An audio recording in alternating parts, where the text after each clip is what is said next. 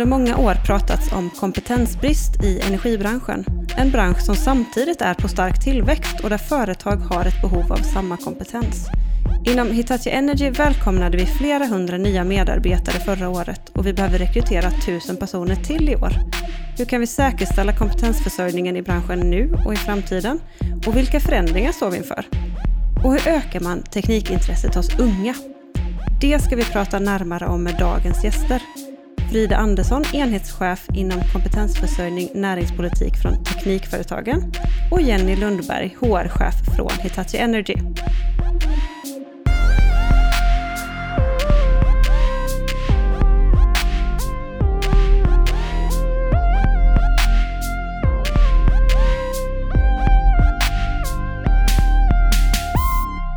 Frida Andersson har en bred och gedigen bakgrund. Hon har en civilingenjörsexamen inom kemiteknik, varit ledamot inom Kungliga Tekniska Högskolans strategiska råd för utbildningsutveckling och sedan 2017 har Frida jobbat inom Teknikföretagen. Först som näringspolitisk expert inom kompetensförsörjning och idag som enhetschef inom samma område. Varmt välkommen hit Frida! Tack så mycket! Roligt att få vara här. Ja, men så kul att ha dig här. Och jag tänker att vi börjar med att eh, du gärna får berätta kort om Teknikföretagen och din roll där som enhetschef. Ja, men absolut. Teknikföretagen är vad vi kallar en arbetsgivar och branschorganisation. Det betyder att eh, företag är medlemmar hos oss. Eh, vi har en, jobbar med arbetsrättsliga frågor, men vi jobbar också med branschfrågor. Och vårt uppdrag är ju att jobba med alla frågor som kan stärka konkurrenskraften för våra medlemsföretag och deras möjligheter att verka i Sverige. Och Hitachi är ju då ett medlemsföretag till oss. Vi har ungefär 4300 medlemsföretag och det är ju stora tillverkande företag. Men det är också typ teknikkonsulter, mekaniska verkstäder, techbolag, vi har en del medtech och spelutvecklingsföretag så vi har en väldigt bred bas på olika typer av frågor här. Eh, men det de alla har gemensamt är ju att många, de allra flesta har väldigt svårt att hitta den kompetens man behöver. Okej, så mm. kompetensförsörjning är en väldigt viktig fråga just nu brett inom teknikföretagen? Ja, det skulle jag säga. Vi kan säga att jag har det kanske mest spännande men svåraste uppdraget att försöka stärka kompetensförsörjningen för industrin för att det är ett stort behov på många olika nivåer. Eh, är det. Och det är där, vi, det är där min enhet gör. Vi jobbar med frågor allt från, från får man fler sökande hur ska grundskolan se ut? Yrkesutbildning, högskola men också arbetskraftsinvandring. Allting som egentligen rör rekrytering och kompetensutveckling av medarbetare i de här företagen. Okej, intressant. Kan du liksom berätta något mer konkret exempel på hur ni eh, gör det här, hur det kan se ut? Ja, men absolut. Vi, vår roll är ganska mycket att lyssna på, då lyssnar vi på företagen, hur ser behoven ut, vad är det för hinder man har? Och sen är en ganska stor del av vårt jobb att översätta det i, okej, okay, så vilka hinder, hur, vad kan vi göra för att möta de här hindren? Om man ska ta något exempel så nästan alla företag säger att fler måste läsa teknisk utbildning. Det är, liksom, det är ett önskemål, man ska kunna rekrytera fler. Nej, men okej, då, tänk, då kollar vi ju på vilka är det som söker idag? Vilka söker inte? De som inte söker, varför söker man inte? Och då kan vi se till exempel att de som inte söker i hög utsträckning, till exempel tjejer. Okej, men varför mm. söker då inte de? Tittar vi på, okej, okay, men det verkar bero på att, de har att intresset är ganska lågt precis när man väljer till gymnasiet. Matten tycker man är avskräckande och svår eh, och man saknar förebilder och så fortsätter vi liksom tratta ner det. Okej, okay, vad beror då intresset på? Men okej, okay, men teknikundervisningen är idag inte riktigt utformad utifrån kanske det är som tjejer generellt, de generaliserar tycker det är roligt utan det är ganska mycket fokus på själva tekniken, inte så mycket på tillämpningarna. Så fortsätter vi liksom att bryta ner det så och sen så kan det handla om att vi driver politisk påverkan. Teknikundervisningen måste bli bättre, vi måste få bättre ämnesplaner, vi måste kompetensutveckla lärarna så att de kan bli liksom, så att teknikundervisningsskolan blir spännande istället så fler blir intresserade. Men det kan också handla om att vi gör rena liksom, marknadsföringskampanjer visar på tjejer som jobbar inom industrin för att man ska få förebilder. Ja, där såg eh. jag på er hemsida att ni har det här eh, breda blicken, eller vad hette det? Bredda bilden. Ja, men det är ett sådant exempel på en kampanj vi, vi mynnade ut i. Det vi såg var att när man googlade på, och det här var några år sedan vi började med det här, man googlade på liksom ingenjör eller industri, får man upp en viss typ av bilder. Eh, och det är också de bilderna som används till exempel så fort en en tidning skriver om industrin eller så fort en liksom, myndighet lägger upp någonting så lägger man upp de här bilderna och då var det, om man ska liksom lite raljera, var det män. Mm. Om vi hade tur så var det en kvinna med på bilden som tittade på en man som utförde teknik. Så då mm. såg vi ett behov av att hitta en bildbank där det är kvinnor som syns på bilderna men det är framförallt kvinnor som jobbar med tekniken eller pluggar tekniken, utvecklar och använder tekniken. Eh, och det är faktiskt, den används väldigt mycket idag så vi tycker att vi ser en skillnad där. Ja, vad roligt. Så ni har, får ni liksom, ja. mäter ni på något sätt så ni kan liksom se att ni får resultat i det? Ja, det gör vi. Och sen ser vi bilderna väldigt ofta. Dagens Industri använder alltid de bilderna. Många myndigheter, både Skolverket, Myndigheten för yrkeshögskolan, många lärosäten, Arbetsförmedlingen har det här i sin interna bildbank nu. Så vi ser ändå att det används mer och mer. Eh, och det är sån liten det kanske är som en väldigt liten del men det är klart att om man hela tiden som tjej, även om man är lite teknikintresserad, hela tiden blir matad med en bild av vilka som jobbar i industrin så sätter sig det. Vi tar ju in intryck och omgivning jättemycket. Så det mm. stämmer, det är, det är precis ett sådant exempel. Mm. Ja men jätteroligt att höra mer om det. Ni, ni gör ju också kompetensundersökningar. Mm. Kan du berätta lite mer kring det? Hur, hur har ni arbetat med den och vad får ni ut från det? Ja, men absolut, vi gör ju kanske varje eller vartannat år, vi kallar för kompetensundersökningar och då är det helt enkelt att vi går ut och frågar alla medlemsföretagen. Vad har man för behov? Eh, vad är det man inte hittar idag? Vad är det man tror att man inte kommer hitta på sikt? Vilka konsekvenser får det för verksamheten? Och anledningen till att vi gör det är ju för att vi behöver bra svar när vi träffar politiker. Varför ska man satsa på de här områdena? Vad händer om man inte gör det? Men också får vi ganska mycket direkta frågor från en högskola eller liksom en yrkesutbildning. Vad är det för behov som industrin har? Och då ser vi ju bland annat till exempel på konsekvenser att det är ändå en tredjedel av företagen som säger att man inte kunnat expandera som man hade tänkt. 20 procent säger att man har varit tvungen att förlägga vissa delar av verksamheten utomlands eller fundera på att lägga vissa delar av verksamheten utomlands. Och det här är jättebra stoff för oss att använda mot politiken för det är klart, de vill att man investerar i Sverige. Ja, och det är eh, drivet från att man inte man har inte kompetensen? Nej, det är drivet rakt till kompetensbrist. Sen kan mm. det bero på andra saker också men här är den frågan ställd. Vilka mm. konsekvenser får bristen på kompetens? Så det är direkt kopplat till det. Mm. Eh, och så tittar vi också på vilka områden och då ser vi att det är vissa, eh, och jag tror inte Jenny blir förvånad när jag säger det här, men det är mycket mjukvara, data, IT är högt efterfrågat av alla. Allting som kopplar till elektrifiering, automatisering. Så vi ser ju också väldigt stora trender att de här områdena är det större behov än andra. Och det är jättebra för oss att kunna peka det. har, det, har det skiftat på senaste tid eller har det varit så de senaste undersökningarna? Mm, digit, alltså allt som kopplat till digitaliseringen, det har mm. funnits med ett par år. Eh, allt som kopplat till elektrifieringen skulle jag ändå säga har kommit alltså väldigt eh, mycket de senaste åren. De förrförra vi gjorde som var av 2015 kanske, där pratar man inte alls om det på det sättet. Eh, det syns nästan inte i den undersökningen. Sen självklart var det vissa av våra företag som visste om det här och hade det liksom i sin verksamhetsplanering och att man såg liksom affären framåt. Men det kommer inte ut i den här typen av undersökningar. Så det har, det har skett ett skifte.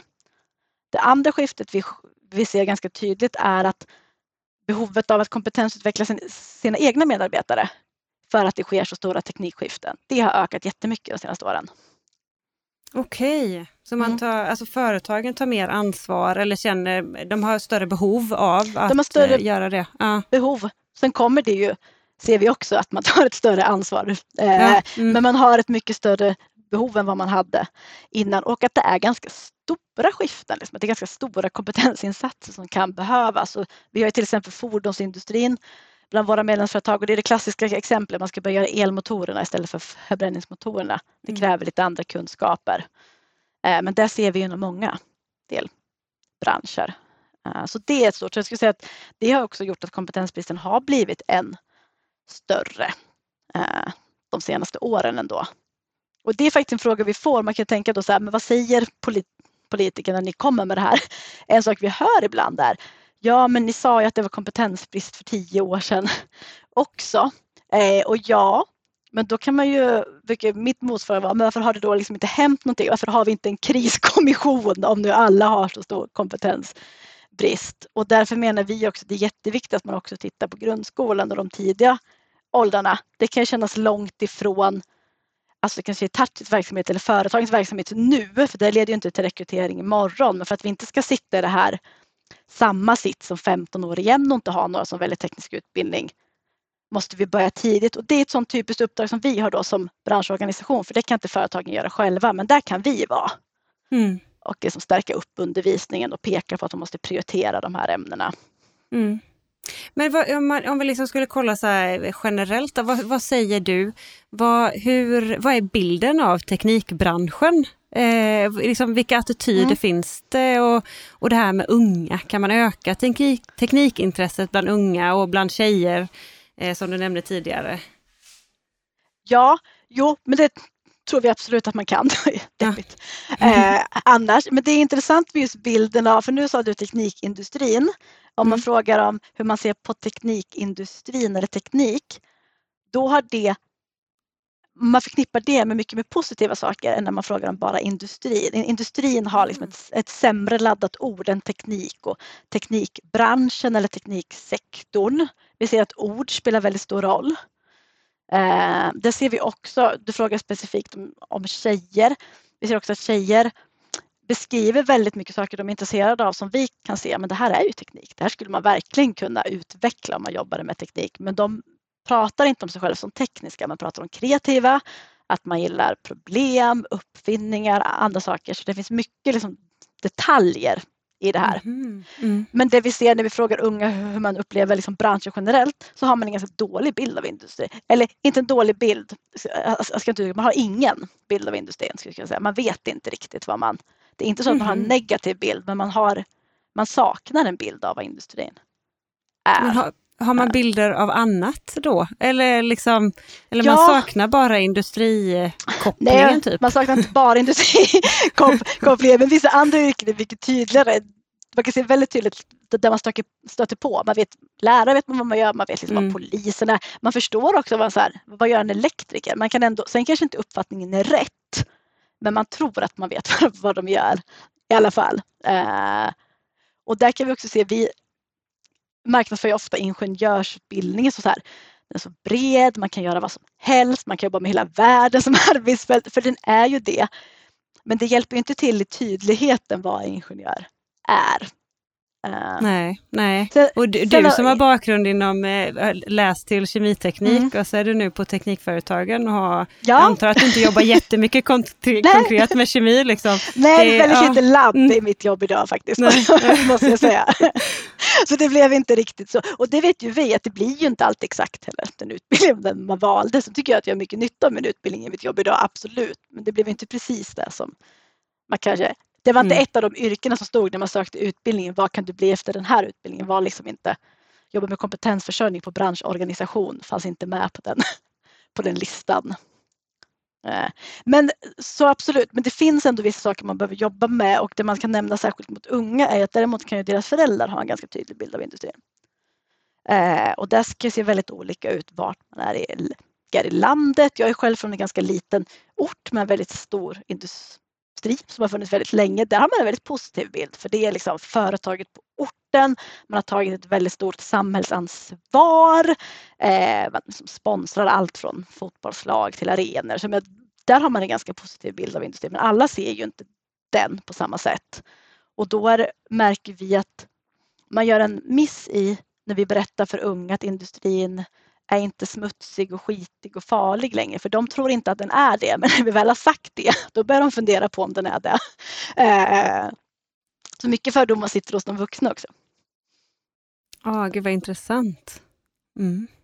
Ja, men det är väldigt spännande. Det går att prata hur liksom, länge som helst av det här. Men det finns vissa, vissa saker vi tycker man ändå ska tänka på. Det dels ska man fundera på hur man uttrycker sig, liksom vad vi, hur pratar vi om tekniken? Kan vi prata mer om vad den används till än själva tekniken i, i sig? Det finns ett jättestort intresse hos unga till exempel för hållbarhetsfrågor och liksom säkerhetsfrågor nu. Och det kan man koppla till liksom den verksamheten som många av våra medlemsföretag har.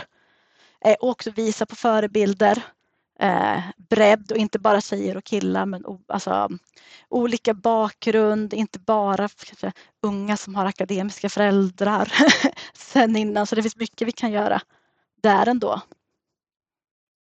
ser du att det finns några konkreta kompetensutmaningar inom eh, energibranschen som ju vi på Hitachi Energy är verksamma inom?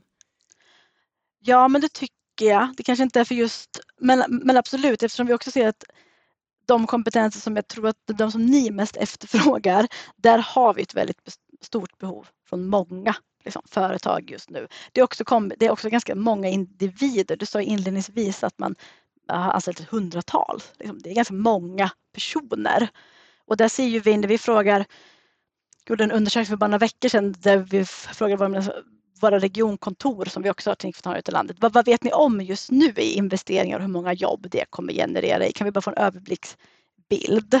Och då, och då när vi räknar ihop det, är det 25 000 jobb på, på olika nivåer. Och det är ju mycket kopplat till elektrifieringen, de, de delarna. Så det är ju det är ju helt enormt, 25 000. Ja, ja. Det är ju liksom eh. dubbla Ludvika typ. Ja, ja, ja precis. Mm. Så det är en uppskattning. De måste ju komma någonstans ifrån och de här företagen är inte alltid storstadsregionerna heller, ganska ofta inte. Eh, så då måste man ju antingen få personer att flytta dit eller hitta liksom i närområdet. Stöttar ni i sådana frågor också, liksom hur man, ja men typ satsningarna i norr kring ja. hela den uppbyggnaden? Alltså stöttar ni också i sånt?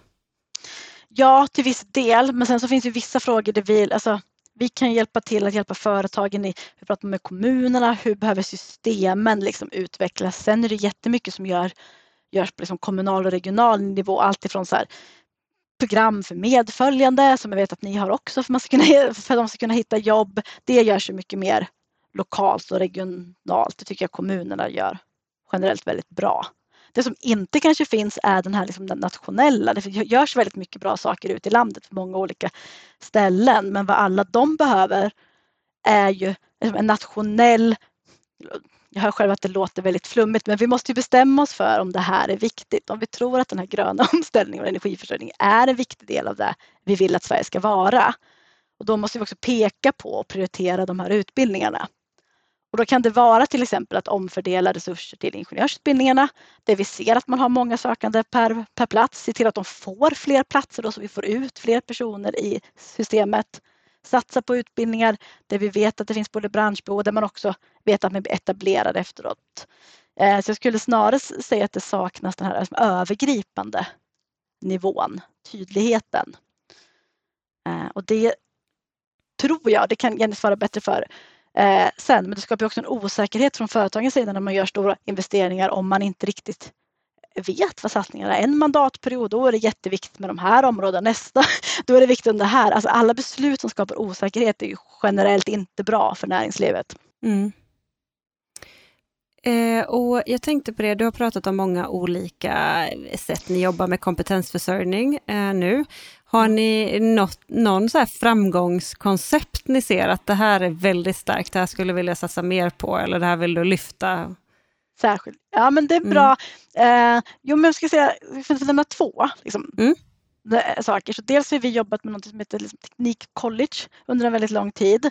Det är verkligen ingen rocket science men det är ett koncept för hur man ska samverka lokalt och regionalt att när man går in då och blir certifierad som ett teknikcollege, vilket är vi och eh, även våra fackliga motparter som är med i det, då, då, går skolan och näringslivet och kommunen in med ja, vi kommer sitta gemensamt och prata om kompetensbehoven. Vi kommer försöka utforma utbildningen efter företagens behov.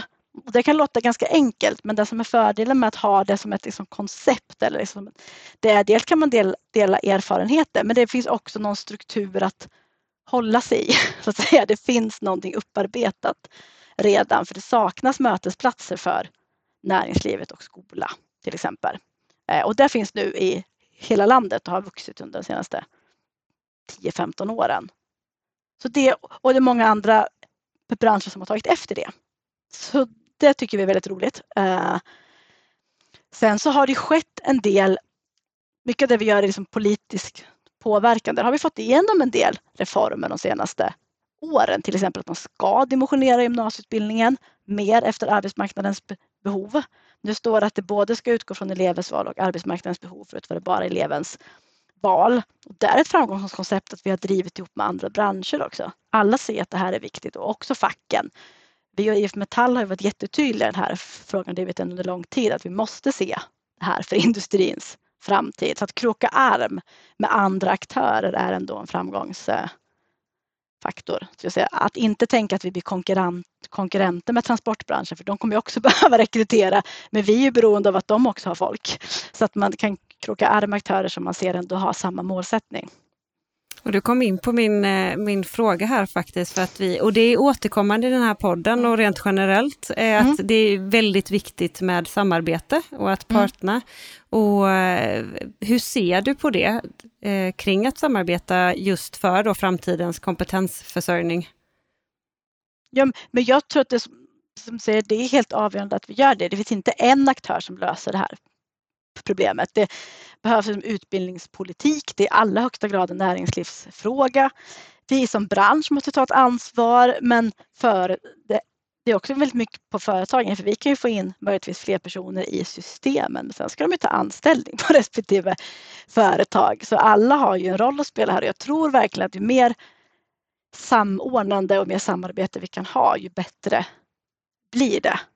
Eh, för jag upplever aldrig att det finns en det kan finnas olika åsikter om hur man ska uppnå det här men det finns, upplever inte att det finns en motsättning att man inte ser att det här är viktigt utan snarare bara hur är vi effektiva? Hur jobbar vi smart? Eh, för det tar ju mycket resurser från alla också. Så jag tror absolut det. Jag tror också vi kan ju, vi samarbetar ju redan mycket med våra medlemsföretag men där kan man ju se om man kan utveckla det ännu mer kring som vi säger allting som har att göra med attrahera unga? Hur kan vi bli ännu bättre på att få ut alla undersökningar vi gör till er så man kan använda dem i verksamheten och så. Så det tror jag det finns jättemycket att utveckla. Du Frida, tycker du att vi ska ringa upp eh, Jenny nu också? Ja, men det tycker jag. Mm. Jenny började på företaget 2017 som talent partner och innan dess var hon HRBP på Volvo Group Trucks Operations. Hon har studerat Labour Relations and Management på Stockholms universitet samt pedagogik på Mälardalens universitet i Västerås. På fritiden hämtar hon energi tillsammans med dottern i stallet eller följer sonens paddelkarriär. Varmt välkommen hit Jenny! Stort tack Johanna, jättekul att vara här igen. Jenny, du har suttit med och lyssnat eh, på oss nu när Frida har pratat. Har du någon reflektion över det som eh, Frida har pratat om?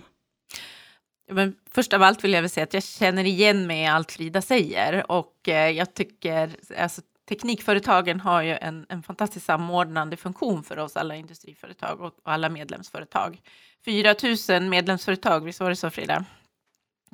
Och det är många och jag tror tillsammans är vi, är vi starka i det här. Och det, och det spänner allt från kompetensbristen som vi ser idag Eh, Hitachi Energy i Sverige närmar sig 5 000 anställda och vi har kommande år ett behov av ytterligare 1000. Så självklart, av alla de här 25 000 behoven som Frida nämner också, som, som finns hos medlemsföretagen, det är, en, det, det är många som ska hittas på arbetsmarknaden. Naturligtvis, det öppnar sig fantastiska möjligheter för alla människor som vill och alla medarbetare där ute som vill jobba med teknikfrågor. Eh, men det spänner sig också från den här resan ända ner till att påverka, att välja teknik. Och tillbaka till det Frida pratade om lite grann, ja, men kännedomen, vad gör en ingenjör? Vad blir man? Vad, vad, vad, vad hamnar man till slut? Eh, och vad har man för valmöjligheter? Och där gör ju vi ett väldigt stort jobb redan i högstadiet tillsammans med olika aktörer runt omkring oss. Vi försöker att finnas där, vi försöker att förklara på ett väldigt enkelt sätt vad man kan göra hos oss. Så jag tror hela den här resan är jätteviktig, att alla vi företag, inte bara Hitachi Energy, är med och påverkar. Eh, sen driver ju vi också tillsammans, eh, vi har ju vår egen Hitachi-gymnasiet i våra lokaler i Ludvika och det är ju också, syftet med det är ju också att knyta till oss gymnasieeleverna, påverka under hela resan. De gör sin praktikperiod hos oss Eh, de gör sina sommarjobb hos oss. Sen är ju den fantastiska möjligheten, de pluggar, går till universiteten, kommer tillbaka eller går ut i jobb hos oss direkt. Ja, vad spännande Jenny. Det är kul att du eh, kände igen så himla mycket kring det Frida berättade. Vad, men vad, du, du, var inne på det lite, men vad, vad, ser du, eh, vad ser du behövs för att säkra kompetensförsörjningen inom energibranschen just? Mm. Jag tror nu är ju äh, behovet ganska så akut eh, naturligtvis. Eh, och det vi ser när vi rekryterar att vi behöver tänka mer på bredden i en ingenjörsutbildning och där behöver vi också tillsammans med universiteten se över möjligheten. Och vi har de här diskussionerna tillsammans med universitet och teknikföretagen.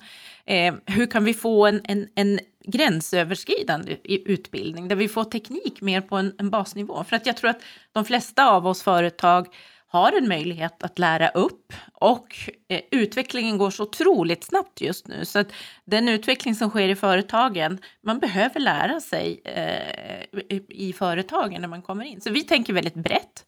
Vi, vi rekryterar eh, personer med ett stort eh, ingenjörs eller teknikintresse eh, inriktning, självklart mjukvaruutveckling, elektri elektrifieringsdelen. Det är klart att den kunskapen är jätteviktig. Men vi, vi befinner oss i ett så stort expansivt skede att vi också har möjlighet nu att bygga på kunskapen och säkerställa att vi har en relativt jämn åldersstruktur. För då vet vi också att då har vi ny kunskap, vi har gammal kunskap, vi har ny erfarenhet, vi har väldigt lång erfarenhet och på så vis så kan vi parera vår, våra egna eh, kompetensförsörjningsbehov.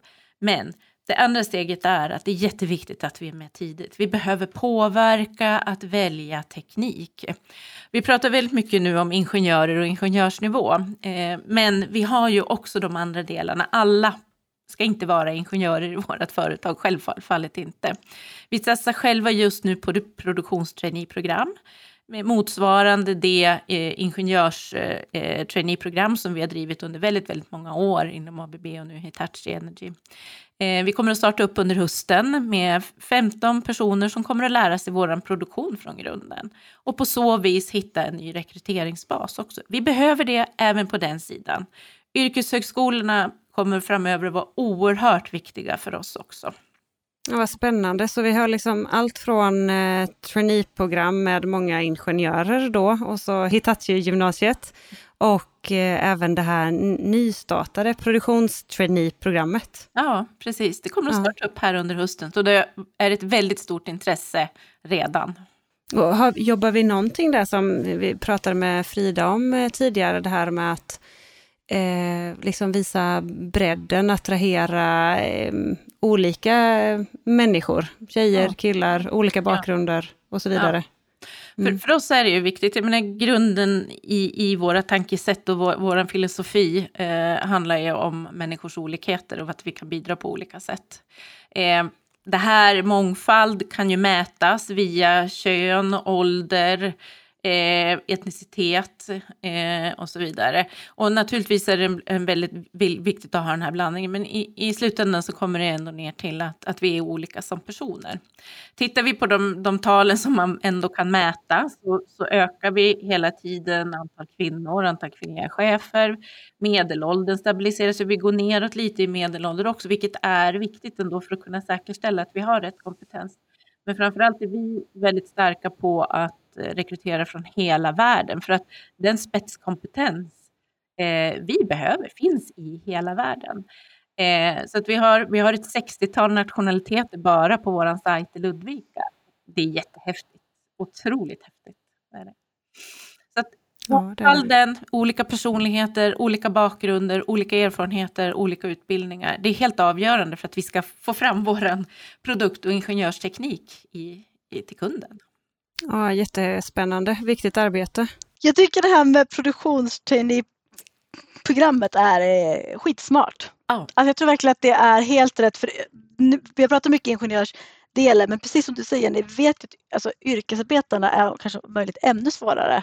Och där har vi lidit ganska länge oh. av att det har varit dålig status både från elever men också för att alltså, politiken använder yrkesprogrammen som en för de som inte klarar skolan eller att man pratar om det på det sättet och det gynnar inte intresset att tänka att det är precis samma sak som en trainee, ingenjörs trainee, vilket är ett attraktivt varumärke att göra för produktionspersonal. Jag tror att det är helt rätt. Jag tycker det är jättespännande.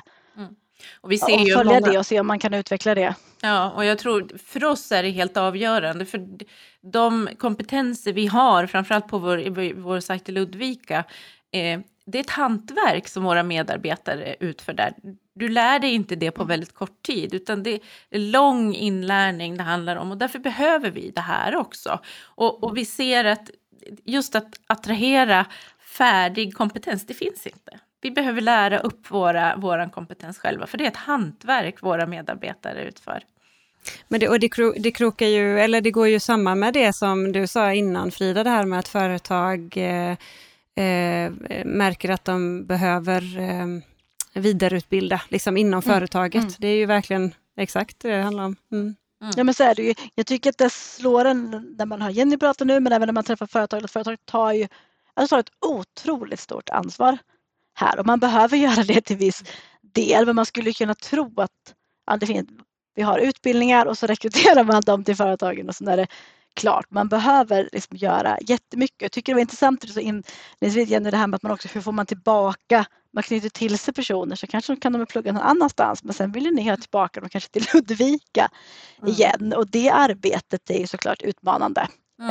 eh, också men att man har den långsiktigheten i sitt kompetensförsörjningsarbete tycker jag är väldigt imponerande. Vi försöker att se hela resan från att du börjar, redan innan gymnasiet naturligtvis, men, men gymnasietiden och att man har praktik. Och vi knyter ju inte bara till oss vårt eget gymnasium, men vi har ju även andra starka samarbetspartners runt omkring oss. Men, men just att erbjuda insikten i vad det handlar om att jobba hos oss. Och, och vi kommer tillbaka, vi pratade faktiskt om det, jag och en kollega häromdagen, eh, Hitachi-gymnasiet. Ja, men börja titta runt omkring oss lite. Flera har gått på Hitachi-gymnasiet eller ABB-gymnasiet som Ja. det heter det här i Västerås. Och eh, eh, har sen gått vidare till olika utbildningar, kommer tillbaka och bli, kommer in i våra traineeprogram. Vi har en jättebra tillväxt och, och, och att man kommer tillbaka till företaget. Men, men jag tror också att det är viktigt i nästa steg att för många är det självklart att göra eh, sin karriär på olika företag. Men för oss är det viktiga att men kom tillbaka. Lär dig någon annanstans, men kom tillbaka med din kunskap till oss sen. Jag tror att det är en del av utvecklingen också för alla företag, inte bara för oss. Mm, bra poäng. Tack så jättemycket Jenny för att du var med i podden idag. Tack så mycket för att jag fick vara med. Eh, så Frida, vad, har du någon eh, reflektion nu eh, kring vad Jenny sa här då? Nej, men jag tycker dels är jag glad att hon känner igen sig i det som jag eh, berättar för det är vår roll är att representera våra medlemsföretag så det är skönt att hon ändå kunde bekräfta den eh, bilden. Eh, och det är ju det som vi hela tiden tycker är viktigt att prata, det är teknikföretagens uppdrag är ju att vara liksom, hela samlade teknikindustrins röst i kompetensförsörjningsfrågor men i andra frågor också. Och ibland också vara den som ibland kan det vara svårt för ett enskilt företag att vara väldigt kritiskt i vissa delar. Man har liksom nära samarbeten med lärosätena men då kan vi vara de som är, som är ses som en murbräcka först eh, och också är tydlig med behoven. Vi kan representera flera företag när vi sitter i olika typer av råd eller dialoger och så. Eh, så det är viktigt för oss att inputen och det som vi för fram ändå känns igen, att företagen känner igen sig i dem, i Mm. de budskapen. Ja men härligt. Har du några avslut, avslutande ord så här eh, innan vi säger tack och hej för idag? Nej, men jag är jätteglad att jag blev inbjuden. Det här är ett ämne som man kan prata om hur mycket som helst. Eh, och som alltid är så engagerande och eh, väldigt roligt och som sagt vi är väldigt imponerade över när man hör Jenny prata om det. Alltså det ansvaret som ändå Hitachi Energy tar. Tack så jättemycket Frida för att vara med i eh, Kraftsamtal. Tack själv!